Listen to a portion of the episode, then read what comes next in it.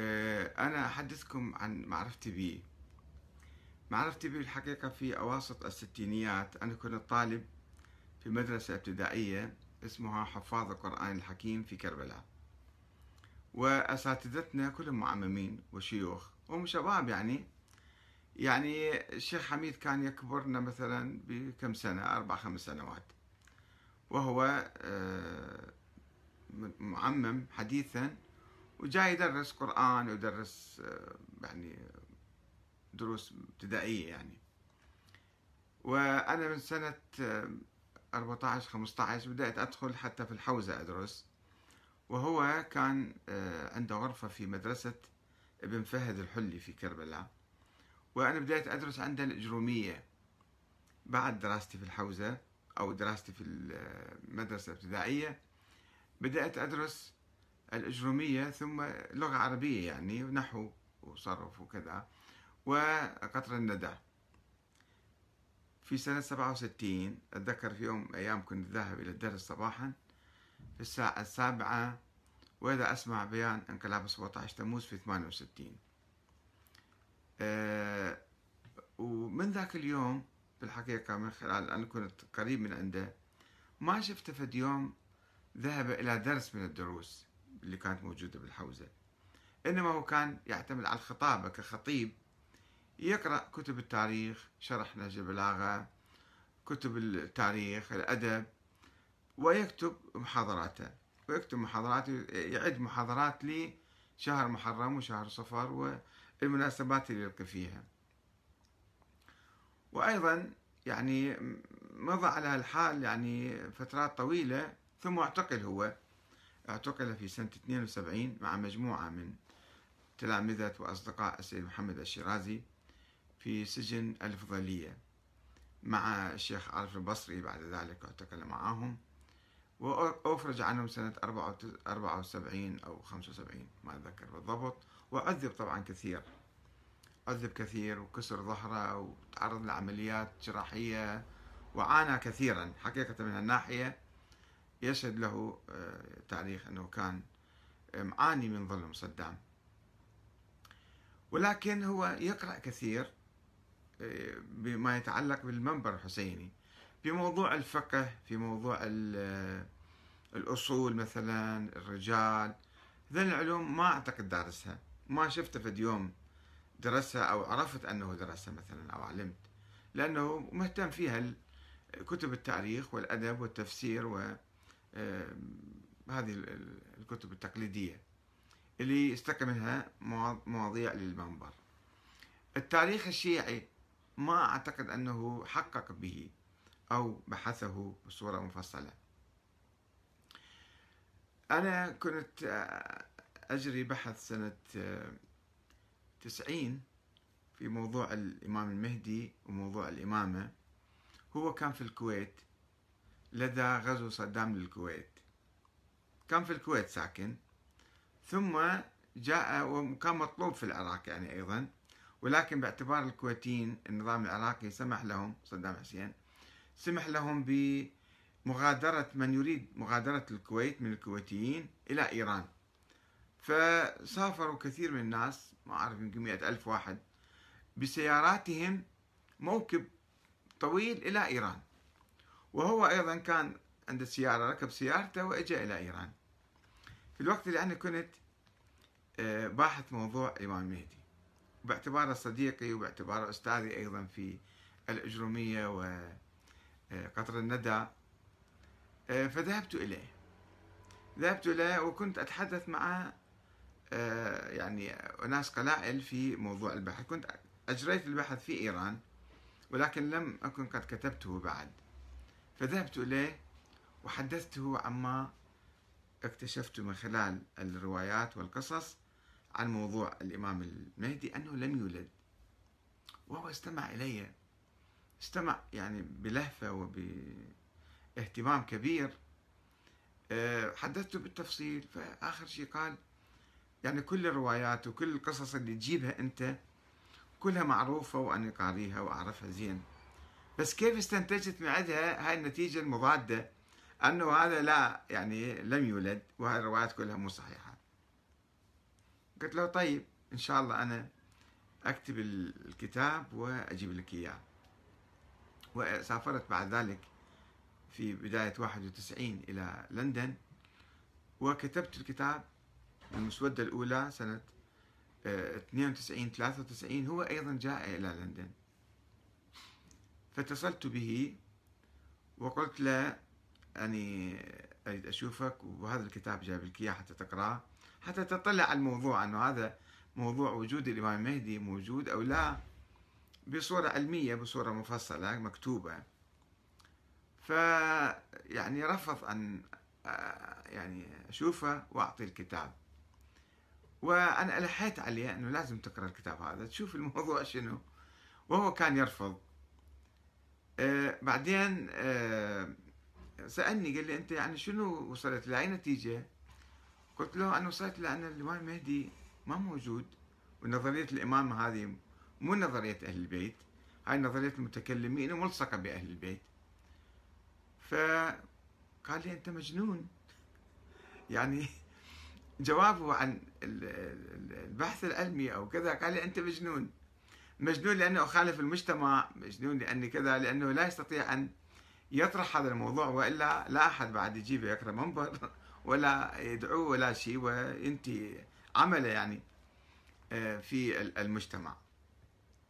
ومنذ ذلك الحين أنا لم أره بعد في الحقيقة. صار 25 سنة يمكن أو أكثر. لم أره ولكن هو عنده أفكار ونظريات موروثة. حديث الكساء مثلا عنده هذا حديث 100% صحيح. بينما صاحب آه، مفاتيح الجنان الشيخ عباس القمي يشكك بهذا الحديث. وعلماء كثيرون إذا ما يدرسوا السند يدرس المضمون يقارنوه بكذا فما عنده من الآليات أبدا. ما عنده من آليات التحقق والتدقيق في الأحاديث والروايات والأدعية. أنه هذه من أين جاءت؟ من ألفها؟ متى ألفت؟ ماذا تتضمن؟ فهو يقرأ كما موجود في التراث هذا في كتب الأدعية والزيارات وكذا ويعتبر هذا يعني وحي منزل. هنا المشكلة هو يقول أنه الحوزة تضخ ضالين مضلين. طيب أنت كيف تعرف الضالين من المضلين؟ غير أول مرة تستمع لهم تشوف آرائهم تقرأ أدلتهم تناقشهم تباحثهم ويرفض النقاش والحوار أساسا. يرفض النقاش والحوار مع أي أحد ثم يهاجم الناس. أي واحد يشكك في صحيفة في آه، حديث الكساء أو في ما أدري شنو هذا أصبح ضال مضل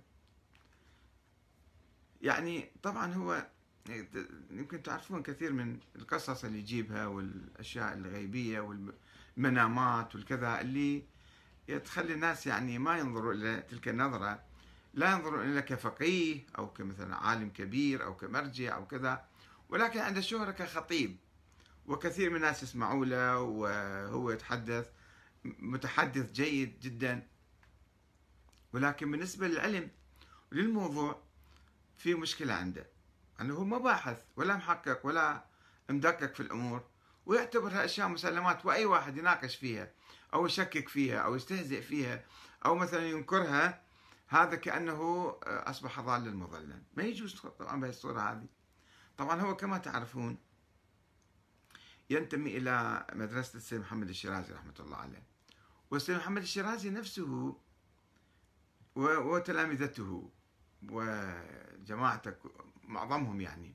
الخط هذا كله سواء السيد صادق أو السيد محمد تقي أو السيد هادي أو الجماعة اللي كانوا مستمرين في هذا الخط هم خط أخباري. أساسا هم خط أخباري. يؤمنون يقولون إحنا أصوليون ولكن في الحقيقة هم أخباريون. لماذا؟ لأنهم لا يدققون في علم الرجال. هذا علم الرجال حاطيه على صفحة. في بحث الأصول أيضا يقلدون في الأصول. يعني السيد محمد اللي يعتبر نفسه المرجع الأعلى مرجع كبير يعني كان هو أساسا كان آه، يقول يعني ما يمكن إحنا نجتهد في كل المسائل الأصولية والرجالية والكذا والتاريخية والعقدية بعد. آه، هذه مفروغة منها ما, ما يبحثون فيها نهائيا. آه، فلذلك يشوفون يروحون على القشور يروحون على الخرافات على الأساطير على الكذا ويعني يعيشون على هذه. ويمتلئون منها لأنه ما في منهج تحقيق ما في منهج اجتهاد. اجتهاد دقيق بكل شيء بالروايات من بالعقيدة بالتاريخ بالإمامة. وطبعا هذه المشكلة مشكلة الأخباريين ما تخص الخط الشيرازي فقط هي مشكلة عامة حقيقة. مشكلة عامة في كل الحوزات معظمها 99% من عندها إذا مو أكثر. أنه بحث العقيدة بحث الإمامة ما حد يبحث بالموضوع موضوع وجود الإمام المهدي ما حد ما يبحث في, في هذا. ممنوع تقترب من عنده. ثم تجون إلى إلى الرجال أو إلى الأصول. أيضا من اشتهر من العلماء بالتحقيق مثل سيد الخوئي مثلا رحمة الله عليه اجتهد لأنه في علم الرجال شوية محقق شوية ما مو هو بحقيقة لأن في كثير من المسائل ما محقق فيها. ما يتمكن يحقق بكل الرجال ولا في الأصول. ولكنه كان عندما يبحث حديث معين على الأقل يروح لعلماء الرجال السابقين ويسألهم ويشوف هذول شنو مثلا رأيهم في هالراوي وذاك الراوي. وأقول السيد الخوئي مثلا المفضل بن عمر يزكيه ويوثقه. بينما هذا كان من أكبر الضالين المضلين. المفضل بن عمر كان زعيم الفرقة فرقة المفوضة المغالية اللي ألف أحاديث عن الإمام الصادق كثيرا. فكيف ببقية العلماء؟ كيف بقية الناس اللي أصلا ما يبحث بموضوع الروايات ما يبحث موضوع السند. أي رواية يشوفها بحار الأنوار يأخذها كما حال الشيخ حميد المهاجر اللي هو أساسا لم يدرس هذه الأمور. لا فقه الفقه ولا آه، الأصول ولا الرجال ولا الكذا اعتمد على بناء نفسه ثقافيا على القراءة والمطالعة وعدم التحقيق في الأشياء. يعني ياخذ قصص ياخذ آيات وأحاديث وكذا ويألف مجالس. ولكن هذا يختلف عن التحقيق. مثل واحد يقرأ بحث تاريخي موضوع معين ويروح يبحث فيه إلى أن يطلع حقائق التاريخ. هذا مو موجود عندنا. مو موجود عند الخطباء عادة. خطباء هم مرتبة أدنى من العلماء اللي يسموهم علماء يعني. إذا العلماء هم أخباريين وما يحققون فشلون إحنا نتوقع من الخطباء أن يحققون ويدققون وكذا؟ يقول لك أنا خطيب. أنا خطيب أقرأ شنو ألقى قدامي أجي أقرأ. أنا مو شغلتي راح أحقق وأدقق. طيب أنت إذا كنت هكذا شلون تجي تحكم على الناس؟ هذا ضال وهذا مضل وهذا مثلا الحق وهذا كذا. وهي أفكار أنت ورثتها؟ المجتمع كله ورثها عن الأجيال السابقين والعلماء السابقين. فليش إحنا بنحقق وندقق قبل ما نطلق الأحكام على هذا وذاك؟ وقبل أن يعني نعرف يعني مسيرتنا ونعرف خطنا ونعرف وجودنا ونعرف فكرنا السياسي هذه الأمور كلها مختلطة عند مع الأسف الشديد عند كثير من ممن تخرج من الحوزة وهو لم يحصل على رتبة اجتهاد أو لم يمارس هذه هذا العمل المهم التحقيق والتدقيق والاجتهاد في الروايات. وأنا أشكره لأنه هو درسني آه، الإجرمية وقطر الندى ولكني أدعوه في الحقيقة إذا كان عنده وقت وهو ما أدري وين الآن في أي عالم إلى آه، مراجعة هذه الأمور. وقراءة الكتب المخالفة إذا أنت إذا أنت تؤمن بشيء وواثق من نفسك فما يمنعك أن تقرأ الكتب الأخرى اللي تنقض هذا الشيء. لا تخاف. ليش تخاف يعني؟ شوف إذا أنت واثق من فكرك وأنت باحث عن الحق إذا أنت باحث عن الحق هدفك الحق والبحث عن الحق. وين ما تجي تاخذه حتى لو كان يخالف كل مسلماتك وكل موروثاتك وكل أفكارك. ما تخاف أنت تبحث عن الحق. قد تكون قد تكون أنت على ضلال. فتقرأ الآراء المضادة وتفكر فيها وتتأمل. مو تهرب من عندها مو واحد يجيب لك كتاب بسودة يقول لك تعال اقرأه وشوف شنو بيه وناقشه تقول له أنت مجنون؟ أنت مخبل هذا مو منطق علمي مو منطق العلماء.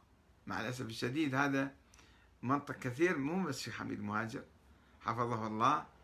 وأطال في عمره ولكن هذا يعني آه، يعني منهج كثير من آه، المعممين في الحوزة ولا أقول العلماء.